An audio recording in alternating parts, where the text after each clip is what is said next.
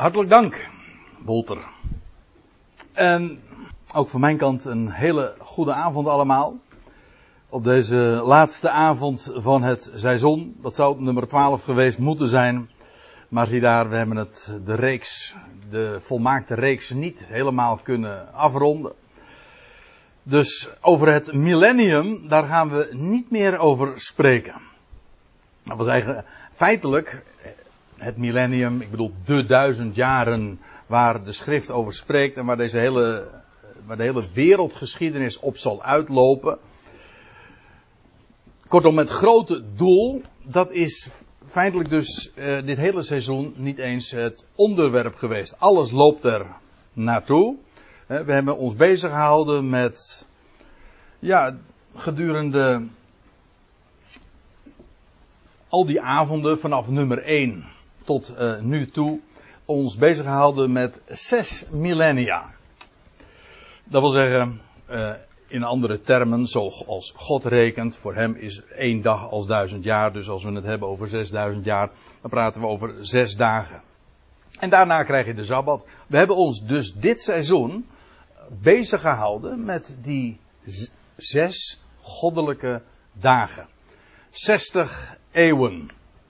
En ik, de vorige keer heb ik ook al eventjes dit duidelijk gemaakt aan de hand van de metafoor van een klok.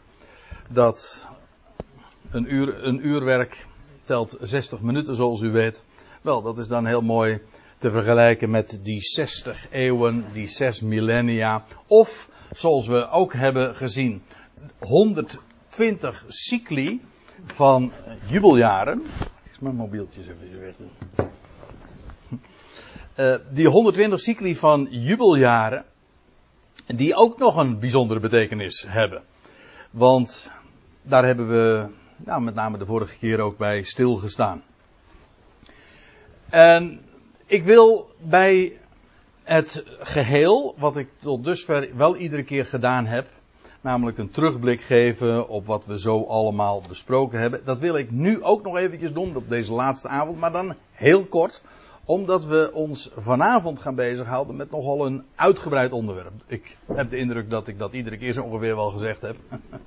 dus daarin, op een gegeven ogenblik word je een beetje murf natuurlijk voor, eh, voor zulke, u als luisteraar, voor zulke aankondigingen. Maar eh, ja, dit is gewoon, eh, als, als ik al die schriftplaatsen wil behandelen, die gaan over dit specifieke thema. Namelijk de overgangsjaren naar het grote millennium, de grote Sabbatdag. Dat, die Sabbat die overblijft, zoals Hebreeën 4 dat zegt, voor het volk van God. Maar nog even kort samenvatten, toch. Want dat wil ik u niet onthouden, zodat we weer even helemaal in de mood zijn. Zodat we ook weer helemaal even weten, waar hadden we het ook alweer over. Over die zes millennia. En dat uh, ja, dan begin je, begonnen we te rekenen bij het jaar 1. Dat wil zeggen van de mens, anno hominis, de creatie van Adam. En we hebben vooral gezien dat die, die zes millennia in drie gelijke delen uiteenvalt. Dat wil zeggen in drie keer 2000 jaar. Waarbij we de eerste 2000 jaar, die hebben we in één avond behandeld. Dat kan. En toen hebben we al vastgesteld dat het was Noach die in het jaar 2000 sinds Adam stierf. En het was precies ook het jaar dat Abraham geboren werd. Vervolgens, eigenlijk is het zo dat we het verreweg het grootste gedeelte van dit seizoen ons hebben bezighouden met die middelste 2000 jaren. En die dan weer uiteenvalt in Kijk, het totaal van 6000 jaar valt uiteen in drie gelijke delen, van drie keer 2000 jaar. Maar dit middelste deel valt dan weer uiteen in vier gelijke delen, namelijk vier keer 500 jaren. Dat wil zeggen, je, in het jaar 2000, dat was het jaar van Noachs sterven, maar ook een heel nieuw tijdperk, de geboorte van Abraham. Abraham toen nog, bij zijn geboorte natuurlijk. En precies 500 jaar later vond de uittocht uit Egypte plaats. Weer 500 jaar later had Salomo zijn tempel voltooid, maar ook het paleis voltooid. Feitelijk was daarmee Jeruzalem als residentie van de koning-priester gereed gemaakt. Dat wil zeggen, en het, de woonplaats van de koning en de woonplaats van God. Moet in omgekeerde volgorde zeggen natuurlijk. Het huis van God, de tempel, dat was toen in dat jaar voltooid. Dat was, dan praten we dus over de helft van de menselijke geschiedenis. Dat wil zeggen, die eerst zes dagen van duizend jaar. Weer 500 jaar later komen we dus uit in het jaar 3500. En dat is de, het jaartal dat Jeruzalem herbouwd wordt onder leiding van koning Kores. Na 70 jaren ballingschap. En daaraan vooraf gegaan waren dus 430 jaren van koningschap van de koningen van Juda, ook de koningen van Israël.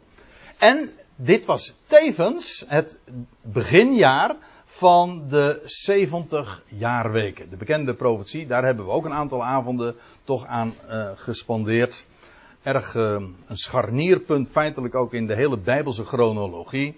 We hebben ook gezien, dat was het meest bijzondere eigenlijk van de benadering dit seizoen, dat die 70 jaarweken een aaneengesloten geheel zijn. Dat was voor sommigen uh, wat revolutionair en, en ik weet dat het is omstreden, maar goed, we zijn niet, we zijn niet zo benauwd om omstreden dingen naar voren te brengen. Het is 70 weken zijn niet vastbesloten over uw volk en uw stad. Lazen we in Daniel 9. Nee, is vastbesloten over uw volk en stad. Dat wil zeggen, het, is, het wordt gepresenteerd als één, als een eenheid. Afijn, dat jaar 3500, dat is dus het jaar dat Jeruzalem herbouwd wordt. Begin van de 70 jaarweken. En dan Vervolgens in het jaar 4000, dus weer 500 jaar later, oftewel 70 jaarweken, oftewel 10 cycli van jubeljaren. Het is maar hoe je het zeggen wil, maar het is toch iedere keer echt hetzelfde.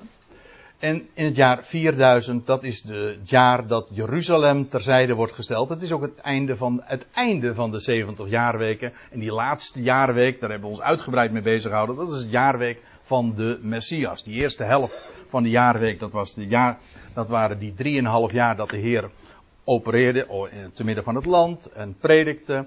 En in het midden van de jaarweek deed hij slachtoffer en spijsoffer ophouden. Dat wil zeggen, dat was het moment dat hij stierf op het kruis van Golgotha. En de navolgende drieënhalf jaar uh, werd vervolgens het verbond uh, opnieuw bekrachtigd, wederom, of de bekrachtiging werd voortgezet van het verbond, namelijk daar in Jeruzalem, onder de leiding van de twaalf apostelen, etc. En dan wordt aan het einde van die periode wordt Stefanus gestenigd. En daarmee is eigenlijk ook het verhaal voor Jeruzalem ten einde. Voorlopig in ieder geval. Dat is het jaar 4000 of eventueel een jaar daarvoor. En uh, het jaar daar, daarop werd uh, Saulus geroepen.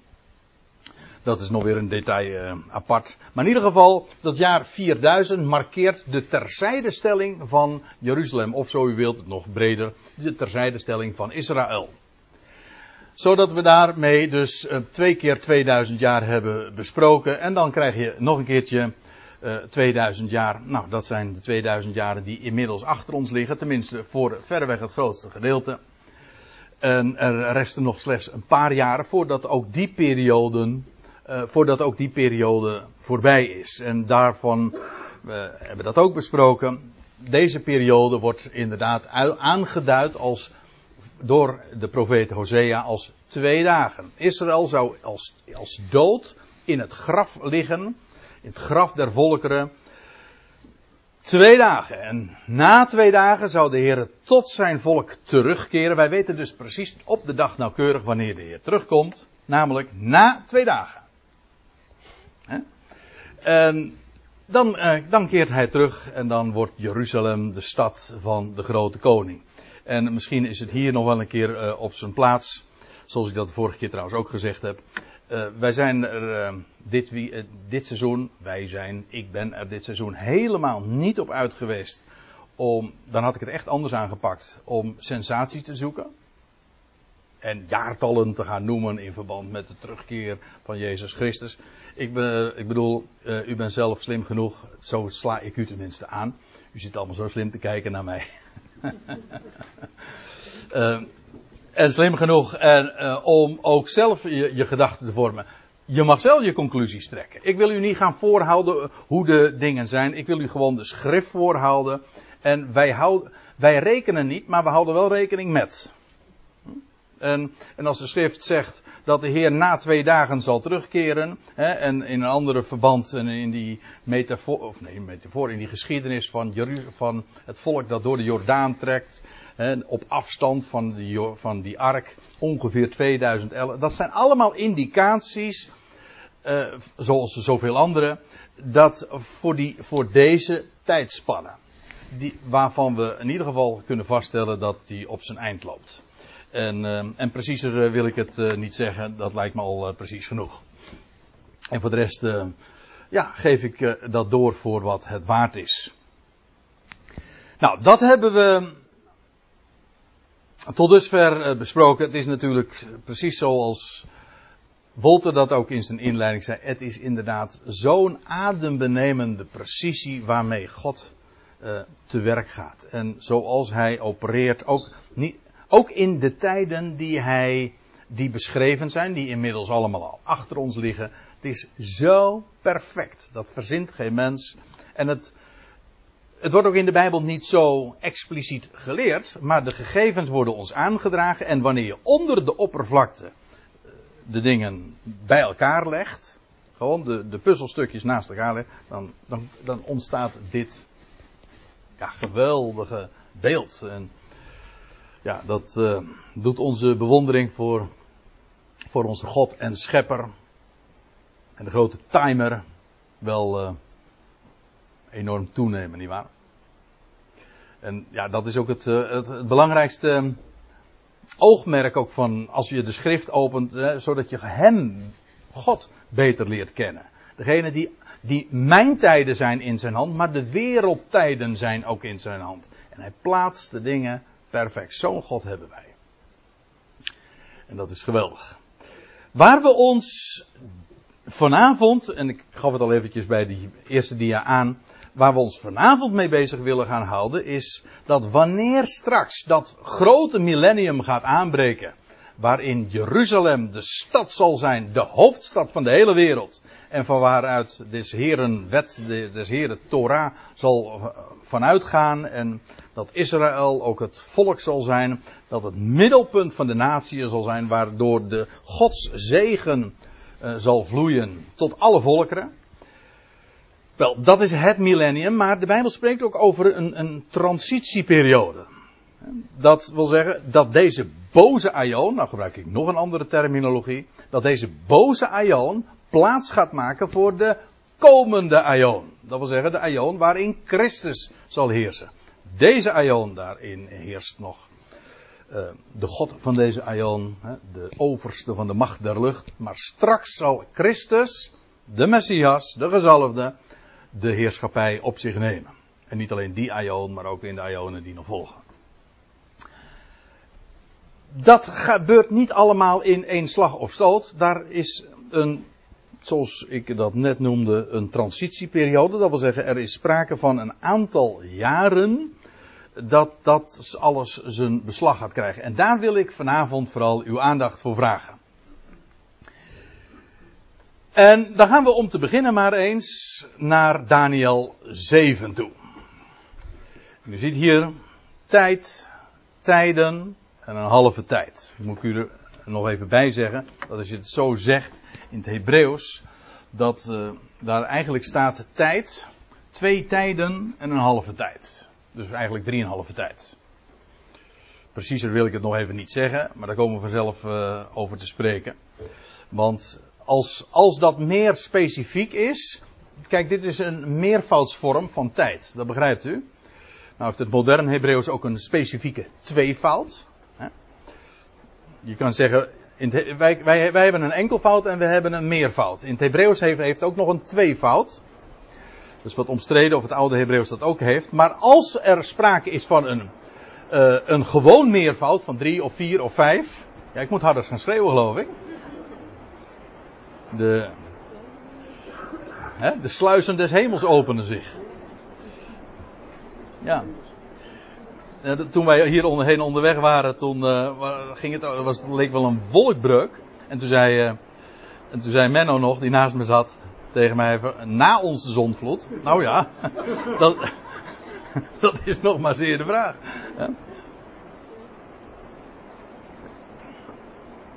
Maar uh, als er staat tijd, tijden, dan zijn het in principe twee tijden. Tenzij het aantal erbij staat, dan kan het ook meer zijn. Maar als het aantal er niet bij staat, zijn het gewoon twee tijden. Enfin, dat eventjes vooraf. Dat is een taalkundige opmerking dan. Maar ik lees u. Nee, voordat ik lees wil ik eerst nog eventjes dit zeggen. Uh, in Daniel 7, daar wordt ons een visioen voorgehouden die Daniel gezien heeft. En daar was hij buitengewoon van onder de indruk. Want je leest dat hij helemaal van, van aan het einde van dit hoofdstuk dat hij van kleur verschoot. En uh, een tijd ook ziek was. Ik meen ook dat dat in hetzelfde hoofdstuk ook staat. Hij zag een visioen van vier grote dieren die opstegen uit de zee. En dat betekent gewoon dat dat als de Bijbel het heeft over de zee, en zeker in profetische taal, lees het maar na in het boek Openbaring, dan gaat het over de Volkerenzee. En dan wordt erbij gezegd in de uitleg, in vers 13 en vers 23, ik ga dat nu allemaal niet nakijken, want dat zou echt te ver voeren. Dat wordt er gezegd, die vier grote dieren die uit de zee, dat wil zeggen uit de Volkerenzee, opstijgen, dat zijn vier koninkrijken. Vanuit Babel, uh, maar dat zeg ik er eventjes bij. Die over de aarde zullen heersen. Zo staat het gewoon letterlijk. Dat is dus niet, dat is niet mijn uitleg. Dat krijgt Daniel gewoon op zijn bordje gepresenteerd. Dat is de betekenis ervan. Het gaat dus over vier koninkrijken die opstijgen uit de Volkerenzee en die over de aarde zullen heersen. Waarbij vooral dat vierde koninkrijk eh, Daniel helemaal bevreemd en beangstigd en overweldigd wat hij dan ziet. Want dat zal vreselijk zijn. En hij zal ook, dat vierde koninkrijk zal vreselijk zijn en heel het land vertreden en vermorselen. Heel het land of heel de aarde. Dat is nog een interessant uh, vraagstuk waar je uh, hier aan moet denken. In het Hebreeuws is het land, en trouwens in het Grieks ook, het woord land en het, land, en het woord aarde gewoon identiek. Wij, maar, wij hebben er twee woorden voor, maar een Hebreeër en een Griek die heeft daar maar één woord voor. Weet u wat het is? God noemde het droge land. Of aarde. Zo u wilt. Als je wil weten wat is de definitie van Haaretz, de aarde. Nou, God noemde het droge. Dus op het moment dat je op zee bent, ben je niet meer op aarde. Ja, daar zijn ze het bij de NASA weer niet op, mee eens. Maar we, we denken nu bijbels, hè? De aarde, dat is dus niet een planeet of zo, dat kent de Bijbel niet. De aarde is gewoon het droge waarop we lopen. En zodra je, en als je in Katwijk woont, zoals sommige mensen, uh, bij sommige mensen het geval is, uh, dan woon je dus uh, aan het einde van de aarde. Ja aan de einden der aarde. Dat is geen oud, dat is geen wereldbeeld dat verouderd is of zo. Dat is gewoon bijbels spraakgebruik. Heel logisch ook. Afijn. Daarmee heb ik dus even iets gezegd over, die, over dat gezicht, die visioen, die Daniel te zien krijgt, kreeg. Ooit in zijn dagen. En nou ga ik, ga ik lezen. Nou moet ik echt een beetje opschieten, want ik heb een heleboel dia's. Dus ik kan niet op alle details ingaan. Dan staat er dan, hij, hij sprak al dus. Dat wil zeggen, hij krijgt tekst en uitleg over dat wat hij te zien krijgt. En dan staat er, hij sprak al dus, dat vierde dier is het vierde koninkrijk dat op aarde zal zijn. Dat verschillen zal van alle andere koninkrijken en dat de hele aarde, of zoals gezegd het hele land, hou me alleen even in gedachten dat de hele aarde zal verslinden en haar zal vertreden en vermorzelen. En de tien horens uit dat koninkrijk. Hm, hij zag een dier en hij zag dan een vreselijk dier. Uh, eerst worden ze nog, zijn, is het een leeuw en een beer en een luipaard. Maar hier, het is een vreselijk, het is gewoon een monster. Dat woord wordt geloof ik in dat verband ook gebezen. En er staat er, en de tien horens uit dat koninkrijk, wat is dat nou weer? Nou, het wordt gewoon uitgelegd, dat zullen, uh, en de tien horens uit dat koninkrijk zullen tien koningen opstaan. Aha, we weten dus meteen wat een horen is. Een horen beeldt uit een koning. Tien horens zijn dus tien koningen. En na hen zal een ander opstaan, die zal van die vorige of van de Oosterse, daar blijf ik nu even van af, maar dat is nog weer een hele andere kwestie apart. En drie koningen ten val brengen. Aha, dus je hebt tien koningen, en er komt er een elfde, en die brengt vervolgens drie ten val. Oké. Hij, die elfde koning dus, hij zal woorden spreken tegen de Allerhoogste. En de heilige van de Allerhoogste te gronden richten. En ik, laat ik u dit vertellen. Daar had Daniel echt geen moeite mee. Om die heilige van de Allerhoogste te, te, te traceren. Of hoe moet ik dat zeggen? Om die te duiden. Want hij wist heel goed wie die heiligen van de Allerhoogste zijn. Dat is gewoon het volk van het heilige volk van de Allerhoogste. Dat is gewoon het volk van Israël. U zegt, ja, maar dat is de gemeente toch ook? Ja, maar dat, dat, daar wist Daniel nog niks, helemaal niks van. Dat was toen allemaal nog verborgen. Dus dat, dat, is totaal, dat speelt geen rol in de, in, in de uitleg. Het volk van de, heil, het, uh, de heilige van de Allerhoogste is gewoon het, het heilige volk van de Allerhoogste. Waar hij zijn, zijn belofte aan verbonden heeft. Alles in dat hele boek Daniel draait om dat volk. Afijn, die elfde koning uit dat vierde rijk, dat vierde koninkrijk, nog steeds toekomstig is dat trouwens. Uh, hij zal woorden spreken tegen de, tegen de Allerhoogste en de heilige van de Allerhoogste te grond richten. Hij zal erop uit zijn tijden en wet te veranderen. Hij gaat uh, dus uh, dingen doen die voor de, het heilige volk gebruikelijk zijn in verband met de tijden. Dus ook met wellicht met de feesttijden, de hoogtijden, de sabbat enzovoort. Hij gaat dat allemaal veranderen. En, daar ga ik nu ook verder niet op in, het gaat, want het gaat me om de chronologie. Hè. We, we hebben het nog steeds over chronologie. En let op. En zij zullen in zijn macht gegeven worden. Zij, dat, zijn dus, dat is dat heilige volk. Dat volk uh, van de heiligen. En ze zullen in zijn macht gegeven worden. Hoe lang? Wel, voor een tijd, tijden en een halve tijd. Als je trouwens even terugbladert in ditzelfde boek en je gaat naar hoofdstuk 4, dan je, wordt diezelfde uitdrukking ook gebezigd van tijden, zoveel tijden. Alleen gaat het dan over zeven tijden, namelijk over Nebukadnezar. U weet, Nebukadnezar die uh, zeven tijden, en algemeen wordt dat uitgelegd, ik zou ook niet weten hoe het anders geweest moeten zijn dat dat zeven jaren geweest zijn dat hij een dierenhart had. En uh, tussen het vee had. En uh, nou ja, u weet, hij was toen. Ehm, ja, hij was het pad kwijt, ja. Ernstig. Dat was hij trouwens al. Eh, iemand, ik hoorde iemand even tussendoor. Ik hoorde iemand eens een keer zeggen van. Ehm, dat de, van Nebukadnezar, toen hij op de, op de, in Babel was en dat hij, dat hij zag, dat geweldige Babel, Zie toch het machtige Babel dat ik gebouwd had. En dan zegt men van, ja, en toen werd hij gek. Maar uh, die, die, man die ik toen hoorde daarover spreken, die zei het anders. En dat vond ik wel een eye-opener. Hij zegt, hij werd niet gek, hij was toen gek. Ja, op het moment dat je, dan ben je nou, dan ben je niet meer bij zinnen. Dan ben je, ben je hoogmoedig geworden. Dan denk je dat ik, eh, daar, neem ik al ik heb dat allemaal gebouwd. En God dacht, oh ja? En Nebuchadnezzar, die is gewoon die machtigste man van de hele wereld toen in die dagen. Vergis u niet. Machtiger dus dan, ik bedoel, eh, er is niemand op zijn niveau geweest hoor. Hij was de koning der koningen. Veel machtiger dan, dan een man als Obama of Poetin of noem ze maar op.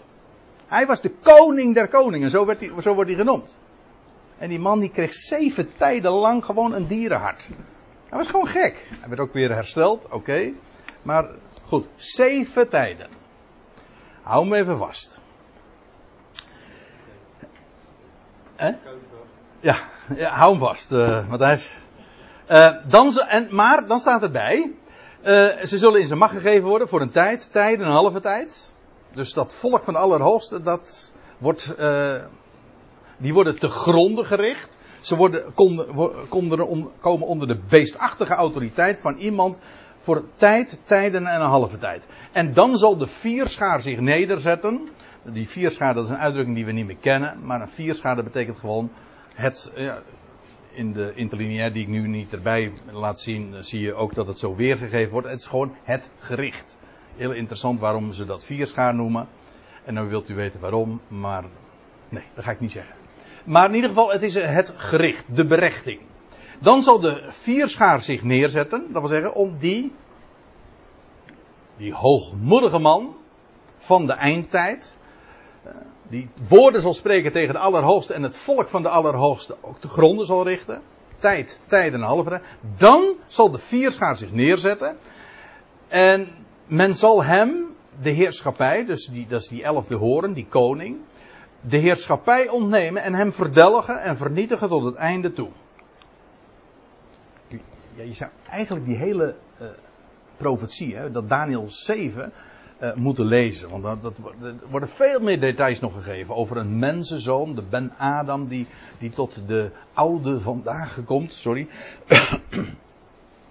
en dan de macht krijgt. Kortom, die vier koninkrijken die gaan plaatsmaken voor een heel nieuw koninkrijk. Want let op, vers 27. En het koningschap, de macht en de grootheid van de koninkrijk onder de ganse hemel zal gegeven worden aan het volk van de heiligen van de Allerhoogste. Of zoals u in de Statenvertaling ziet, het volk van de uh, heiligen, het volk van de heiligen van de hoge plaatsen. Het is eigenlijk meervoud. Een beetje een lastige kwestie. Maar in ieder geval, uh, één ding moet volstrekt duidelijk zijn. Het komt bij het heilige volk terecht. Feitelijk is het dus zo dat als we eerst een Babylonisch koninkrijk gehad hebben, we hebben een Medo-Persisch koninkrijk, een Grieks koninkrijk, straks krijgen we nog een, dat, dat vierde koninkrijk. Ja. En dan, wel, dan komt er een Israëlitisch koninkrijk. Definitief. Dat dan wordt het gegeven aan het volk van de heiligen van de hoge plaatsen. Ja, en dan, en zijn koningschap. Ja, waarom staat dat dan nou weer in het enkelvoud? Dat is heel eigenaardig. Want er was de hele tijd sprake van meervoud. Nou, in ieder geval, het wordt gegeven aan dat volk. En meer speciaal aan degene die over dat volk zal heersen. De echte koning der koningen dus. En zijn koningschap is een eeuwig koningschap. Dat wil zeggen voor de Ionen. En alle machten zullen het dienen en gehoorzamen. Ziet u, die vier koninkrijken, dat vierde koninkrijk, dat is nu nog steeds toekomstig. Als dat zal, zich zal aandienen, dan zullen daar eerst tien koningen zijn. vervolgens zal er een elfde koning zijn. En dan is het helemaal, dan moet je je bergen. Want als die elfde koning zal komen, dan zal die het volk van Israël daar in het Midden-Oosten te gronden richten. En drieënhalf jaar dat volk vertreden en tijden en wet veranderen. Het zal een afschuwelijke tijd zijn. We gaan er nog veel meer over eh, lezen. Maar dit hebben we nu dus gelezen in Daniel 7. Nou neem ik u mee naar Daniel 12. Waar opnieuw die uitdrukking gebezigd wordt. Daniel 12, vers 7. Ik, ik lees vanavond vooral gewoon veel. En ik, zo af en toe zeg ik er wat bij, ter toelichting of nog een connectie te laten zien van met andere schriftplaatsen. Maar er staat hier in Daniel 12, het is het laatste hoofdstuk inmiddels van het boek. En dan hoort Daniel iemand spreken. Toen hoorde ik de man die met linnen klederen bekleed was, die al eerder ter sprake was gekomen. Ik lees eventjes uh, verder en ik sla even iets over. Een tijd, tijden, een halve tijd. En wanneer er een einde komt aan het verbrijzelen van de macht van het heilige volk. Aha. Dus dat volk wordt in het einde verbrijzeld. Maar dat zal, daar zal een einde aankomen. Goddank. En het is ook met recht hier zo, zoals het spreekwoord ook zegt. Als de nood het hoogst is, dan zal de redding, maar daarmee dus ook de redder. Moet ik het omkeren? Dan zal de redder en daarmee de redding nabij zijn. Wel, uh, na die tijd, tijd en een halve tijd, en wanneer er een einde komt aan het verbrijzelen van de macht van de heilige volk, dan zullen al deze dingen voleindigd zijn. Als ik, als ik het zo, als ik het goed voorlees, dan moet je eigenlijk gewoon zucht. Dan zal het voleindigd zijn. Nu hoorde ik het wel, zegt Daniel, maar begreep het niet en zeide: Mijn Heer, waarop zullen dingen, deze dingen uitlopen? Doch hij zei: Ga in Daniel, want deze dingen blijven verborgen en verzegeld tot de eindtijd. Voor dat, voor dat volk zal het niet verstaan worden. Trouwens, uh, we hebben in, toen we het hadden over die 70 jaarweken, hebben we ook nog eventjes ons bezighouden met diezelfde uitdrukking. Alleen wordt het daar dan weer anders vertaald, maar met die verzegeling. Dat wil zeggen, het woord wordt toegesloten. Daniel zegt, wat, wat is dat? Daniel krijgt de opdracht, verzegel dat boek. Je zult het niet weten. Deze dingen blijven verborgen en verzegeld tot de eindtijd.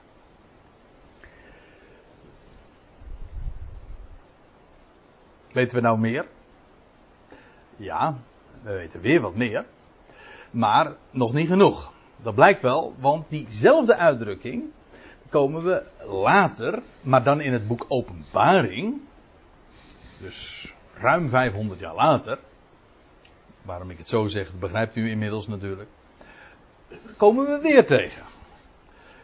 En dan gaan we naar openbaring 12. En daar lees je, dat is weer echt visionaire taal. Wordt ook uitgelegd trouwens dikwijls. Wat, wat die dingen betekenen. En als niet uitgelegd wordt, dan vinden we de uitleg elders weer. Dat is zo mooi met de schrift. Geen, er staat ergens in het boek eh, Petrus, in de brief van Petrus. Geen profetie der schrift heeft een eigen uitlegging. Weet u wat dat betekent? Profetieën der schrift leggen elkaar uit. Als je wil weten wat een profetie van een stukje schrift betekent, dan moet je niet in dat stukje blijven. Nee, want heel die schrift, alle schriften, zijn goddelijk geïnspireerd en het ene deel wordt uitgelegd door het andere deel. En daar ontstaat ook de, als vanzelf haast, zou ik zeggen, de metafoor van een puzzel. Weet je, het een past bij het ander. En pas als je het dan bij elkaar legt, zoals de schrift zelf dat ook aanreikt. Geen profetie, de schrift heeft een eigen uitlegging. Dus moet je elders wezen, bij andere profetie van de schriften, bij andere profetieën, om de uitleg daarvan te vernemen. En dat zie je in het boek Openbaring ook. Want uh, dan staat er, en toen de draak zag. Ik, ja, ik, dat is dan weer een beetje het nadeel van de type bijbelstudie zoals we dat vanavond doen. Thematisch. Hè, eh, concordant, dat wil zeggen, je, je kijkt een, een bepaalde uitdrukking. Waar komt dat voor? Dan ga je hier, dan ga je hier, dan ga je daar. Maar, maar het lastige bij die manier van bijbelstudie is dat je iedere keer weer in een ander verband terechtkomt. En dan ben ik weer verplicht om iets te vertellen over dat verband. En dat maakt het allemaal zo uitgebreid, die bijbelstudie. Begrijpt u? Maar ik, moet, ik zal me uh, beperken. Toen de draak zag, de draak, ja, uh, een paar versen eerder lees je dan. En de grote draak werd op de aarde geworpen. En wie is dat dan? Nou, de oude slang staat er. Aha. Ik ken mensen die het altijd stevast heel eerbiedig hebben over de oude tuinslang. He? U weet wel, welke slang? Oh, dat is die daar ooit uit de hof, de tuinslang. Ja. Die slang dus.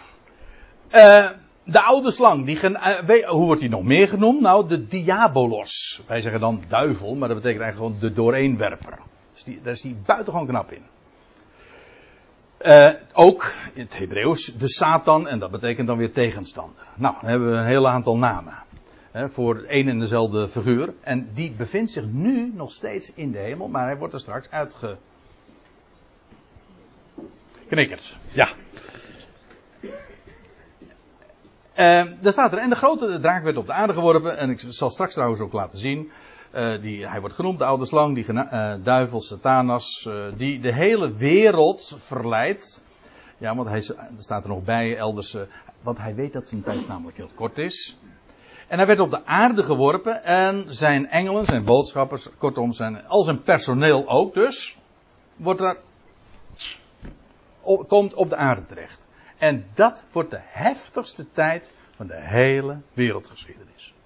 Zo'n verdrukking, zo'n tijd is er nooit geweest van het begin der schepping af. En zal er ook niet meer wezen. Nou, nou citeer ik trouwens weer andere woorden uit Matthäus 24, maar dat gaat over dezezelfde periode. Uh, afijn, uh, toen de draak zag dat hij op de aarde geworpen was, hij vervolgde hij de vrouw. Nou moet u eventjes, uh, moet ik er even iets, iets bij zeggen, want dit wordt erg lastig om dit uit te leggen. Maar die vrouw is gewoon Israël. We zullen het straks nog wat duidelijker zien.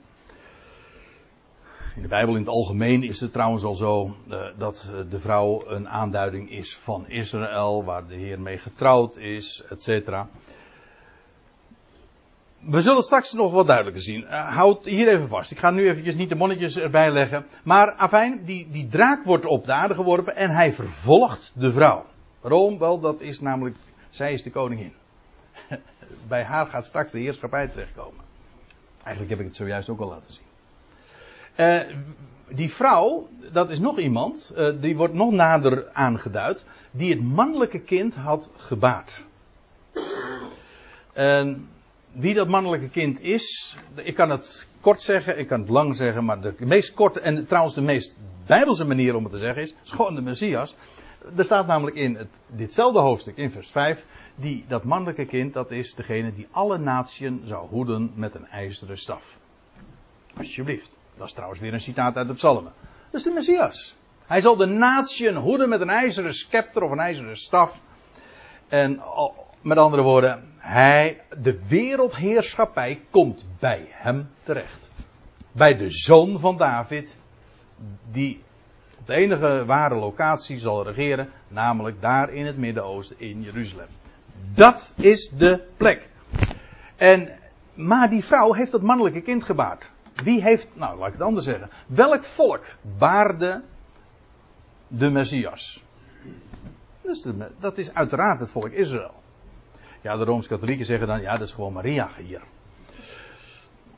Dat is op zich helemaal niet zo'n onzinnige uitleg, want dat is inderdaad de vrouw die het mannelijke kind gebaard heeft. Maar het verband uh, wijst gewoon aan dat het absoluut niet uh, over één persoon gaat. Uh, maar dat zullen we straks nog wel zien. Het gaat gewoon over een volk dat de Messias zal waren. Afijn, die, toen de draak zag dat hij op aarde was geworpen, vervolgde hij de vrouw die het mannelijk kind gebaard had. En aan de vrouw werden twee vleugels gegeven uh, van de grote arend. Uh, om lang verhaal kort te maken, ze, ze, ze krijgt de gelegenheid om weg te vluchten, om weg te vliegen. Misschien is dat heel letterlijk ook. Maar in ieder geval, uh, waar gaat ze naartoe? Om naar de woestijn te vliegen. Naar haar plaats, waar zij onderhouden wordt, buiten het gezicht van de slang een tijd, tijden, halve tijd. Hier hebben we weer. Daniel 7, Daniel 12, nu in openbaring 12 ook weer. En ook hier weer, het gaat over het volk van Israël dat verdrukt wordt, maar een overblijfsel zal de gelegenheid krijgen, krijgt een, een schuilplaats. In de woestijn gaat, daar zal ze naartoe vluchten en daar krijgt, en daar wordt ze buiten het gezicht van de slang, dus in veiligheid wordt ze daar gebracht. Heel veel psalmen gaan ook over die periode, over die. Hè, wie in de schuilplaats van de Allerhoogste zal gezeten zijn, die zal vernachten in de schaduw van de Almachtige. Hè, uh, op uh, Psalm 90, 92 is het. 91. Nou ja, in ieder geval, er gaan zoveel schriftplaatsen gaan daarover. Daar heeft ze een schuilplaats. En, maar het gaat er even ook nu weer om die chronologische link. Het gaat erom, daar wordt ze bewaard, in veiligheid gebracht. Tijd, tijden, halve tijd. Ik geef toe, het is nog steeds cryptisch, maar uh, maakt u zich geen zorgen. We gaan nu namelijk weer verder. Eigenlijk niet verder, we gaan even terug in hetzelfde hoofdstuk. Want we hebben nu de voorkomens gehad van tijd, tijden en halve tijd. En nu gaan we even naar openbaring ja, weer we blijven in 12. En dan staat er in vers 1 dit. Uh, zo begint de open, uh, Daniel, zeg het nou goed, Johannes met zijn visioenbeschrijving. Hij zegt er werd een, uh, er werd een groot teken in de hemel gezien. Een teken ziet hij. Dat wil zeggen, het gaat hier om iets wat hij ziet, daar in de hemel, met een betekenis dus. Een vrouw. En heb je, daar heb je diezelfde vrouw waar we het net ook al over hadden. Een vrouw met de zon bekleed, met de maan onder haar voeten, krans van twaalf sterren op haar hoofd. Dat is gewoon een koningin, hè? En je zou het eens een keertje na moeten vragen aan de zonen van Jacob. Wat dat te betekenen heeft. Want u weet dat toen Jozef een keertje gedroomd had. Toen had hij ook gedroomd over de zon en de maan en de sterren. En die dan voor hem neerbogen. En uh, toen hadden ze helemaal niet. Hadden die broers helemaal geen moeite met de uitleg van, van die droom. Ze denk je nou werkelijk dat wij, huis van Jacob, uh, voor jou gaan neerbuigen? Kortom, ze wisten meteen uh, over waarover die het had. Die vrouw die geassocieerd wordt met de zon en de maan en de twaalf sterren, dat is gewoon, maar ik zei het net al, maar we worden hier er gewoon in bevestigd. Het gaat hier over een, een teken, een vrouw die, de, die het volk van Israël symboliseert. Ik lees even verder.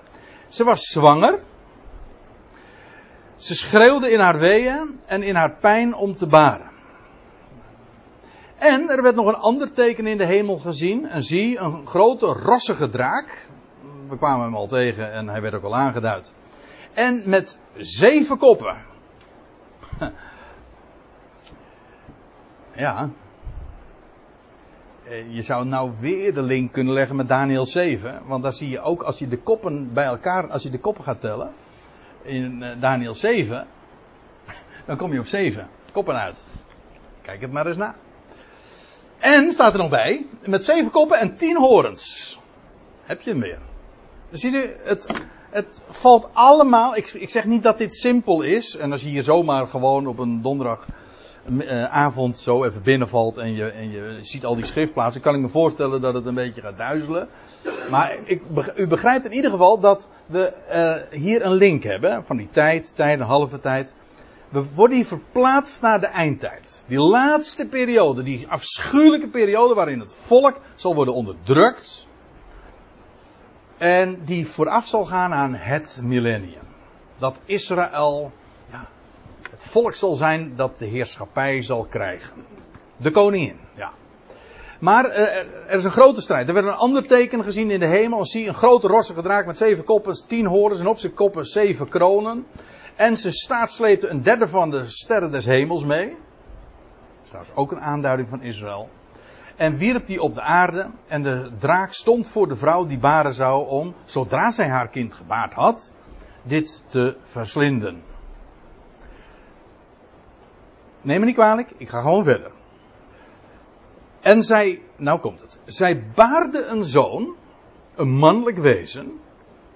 Heb je al vaker, hè, als je een zoon baart dat het een mannelijk kind is. Maar het wordt hier. Het eh, lijkt wat overcompleet als het zo aangeduid wordt. Maar dat, het is iets, dat is niet een stijlfout. Het is een stijlfiguur. Het is iets, iets wordt benadrukt. Het was een zoon. Ja, een, een mannelijke. En, en nou staat er erbij dat alle heidenen, eigenlijk gewoon, ik lees hiervoor uit de MBG-vertaling, dat alle natieën zal hoeden met een ijzeren staf. En dan staat erbij, en haar kind werd plotseling weggevoerd naar God en zijn troon. Nou, nou, moeten, we even, nou moeten we even halt houden. Want, nou, ik ken de uitleg. Dat men zegt van ja, dit gaat hier over de hemelvaart van Jezus Christus. Die mannelijke kind, dat mannelijke kind, uh, die voert ten hemel. Maar dat gaat niet op. Dat gaat niet op. Dat, die, eh, de, kijk, wat hier plaatsvindt, is die, er is een, enorm gevaar dreigt. Die mannelijke zoon, die wordt, zodra het geboren wordt, uh, weggerukt. Ja, plotseling weggevoerd. Maar dat is gewoon een, een, een, handeling van geweld. Dat wil zeggen, het, het wordt plotseling weggerukt omdat er gevaar dreigt. Dat is wat hier aan de hand is. Dat was niet de hemelvaart, dat was een, dat was een gebeurtenis die in alle rust plaatsvond. Hè? Ik moet haast denken dan aan dat lied wat we dan op de zonderschool of uh, vroeger op de lagere school zongen.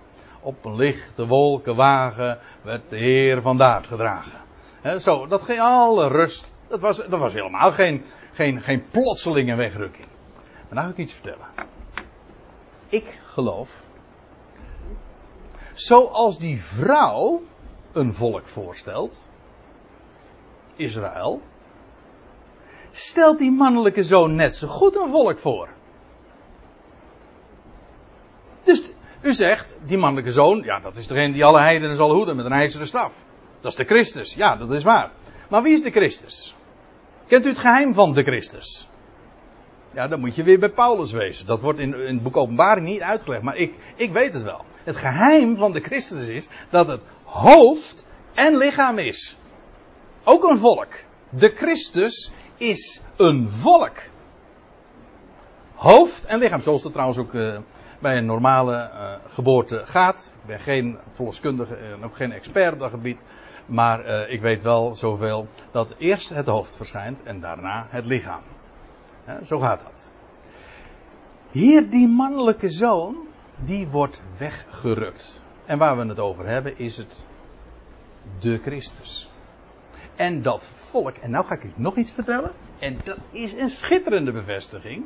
Dat we hier inderdaad te, hebben, te denken hebben aan, aan een gebeurtenis waar ook Paulus over spreekt. Weet u waarom? Hier wordt een woord gebruikt dat ook gebezigd wordt in 1 Thessalonicense 4 als Paulus spreekt over dat wij de Heer tegemoet zullen gaan, eh, weggevoerd zullen worden in een oogwenk. Daar wordt het vertaald met weggevoerd in een oogwenk, MBG-vertaling. Maar er staat gewoon het woord weg. Eigenlijk is het, wij spreken dan over uh, gemoedelijke Nederlanders als wij zijn, over de opname.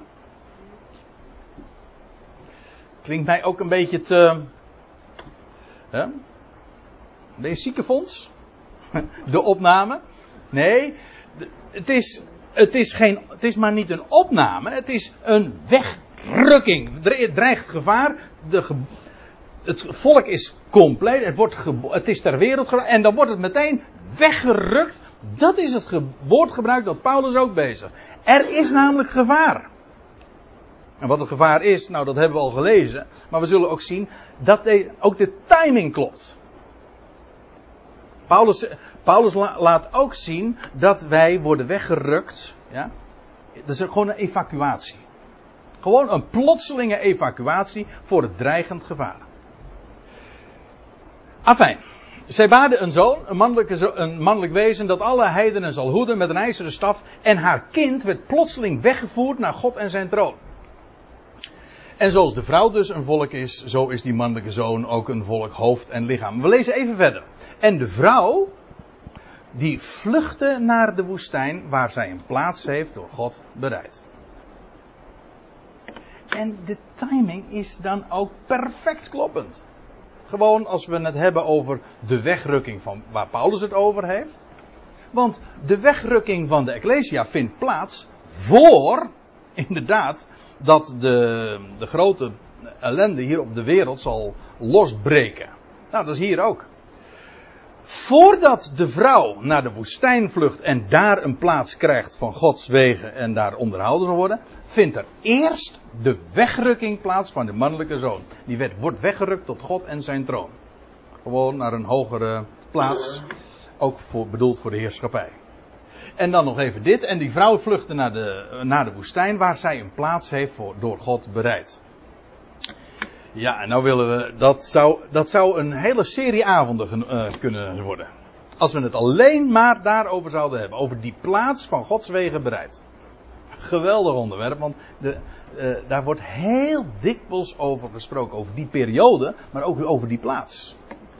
Ja, ik had er nog een, uh, een kaartje bij moeten doen. Maar de Bijbel in Micha 2 uh, en in Jezaja 63 wordt die plaats zelfs aangeduid. Het is een Bosra. Dat is gewoon aan te wijzen vlak bij Petra. En dan heb ik het niet over mijn vrouw. Maar dan heb ik het over die rotsstad, de S. In de woestijn. Een van de zeven wereldwonderen. Het was afgelopen week nog in het nieuws. Vanwege er was weer iets heel bijzonders gevonden. Een heel groot bassin, een hele andere platform. Waarvan men nog niet weet wat het precies is.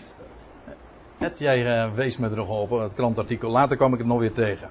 Maar in ieder geval, daar, Bossera, dat ligt daar vlakbij. In ieder geval, uh, God heeft een plaats in de woestijn voor dat volk gereserveerd. Waarom? Ja, het is door God bereid dus, hè?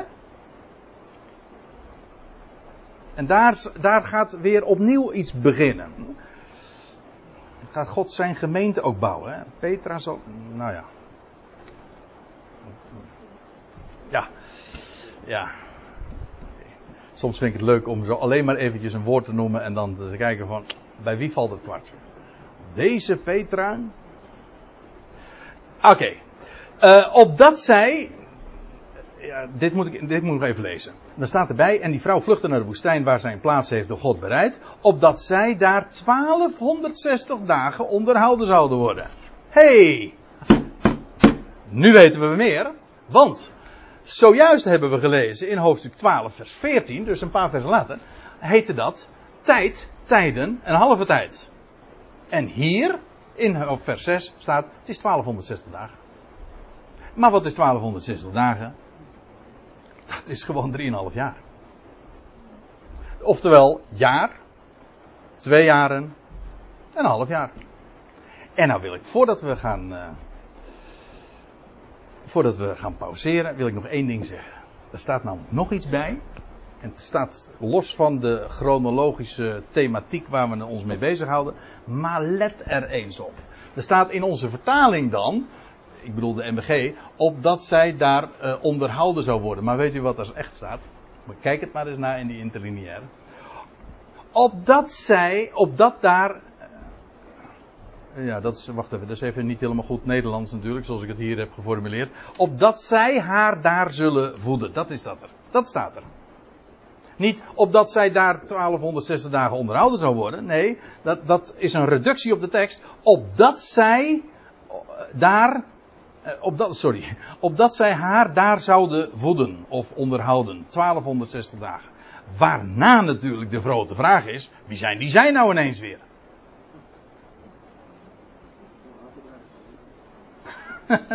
ja, wie zijn die zij nou weer? Nou, daar heb ik wel een goed, goed antwoord op dat is gewoon dat volk van die mannelijke zoon. Als, als die mannelijke zoon inderdaad een volk is, dan. Kortom, uh, vorige week, vorig jaar was het nog in. Uh, uh, was het nog eventjes een punt van dat we eerdaags eens een keer een reis zouden organiseren naar Petra. Gaat niet door. Maar ik heb goed nieuws voor u. Het gaat wel door. Gratis. Voor niks. Geen lange busreis. Maar ik geloof dat wij daar inderdaad uh, een functie gaan krijgen als Israël in die 1260 dagen uh, in de benauwdheid, daar in die schuilplaats is, daar, daar, daar zijn wij ook. Nou, er, zijn, zijn nog hele mooie, uh, mooie aanwijzingen voor, die weer los van dit staan. Maar ik geloof dat wij daarbij betrokken zullen zijn. We zullen met de Heer zijn. Ja, maar wacht, wat dacht u? Sommige mensen denken dat we alleen maar daarboven zijn. Nou, wij hebben een hemelse plaats, maar zoals Christus hemel en aarde bezit. Wij net zo, want wij, ons lotdeel is met hem uh, gegeven. En, en wij, het is niet zo van wij mogen niet op aarde komen. Uh, sterker nog, het is allemaal ons bezit. Hemel en aarde. Nou, uh, om een lang verhaal kort te maken. Israël zal het, het, het gelovige overblijfsel zal daar in de woestijn bewaard worden gedurende die afschuwelijke tijd. Tijd, tijd en halve tijd. Oftewel 1260 dagen. Wij zullen daarbij betrokken zijn. Vlak voordat die periode gaat aanbreken, voor die 1260 dagen, wordt die mannelijke zoon weggerukt tot God en zijn troon. Daar gaan we straks over verder. maar het is nu al vijf over negen, dus we moeten nodig gaan pauzeren.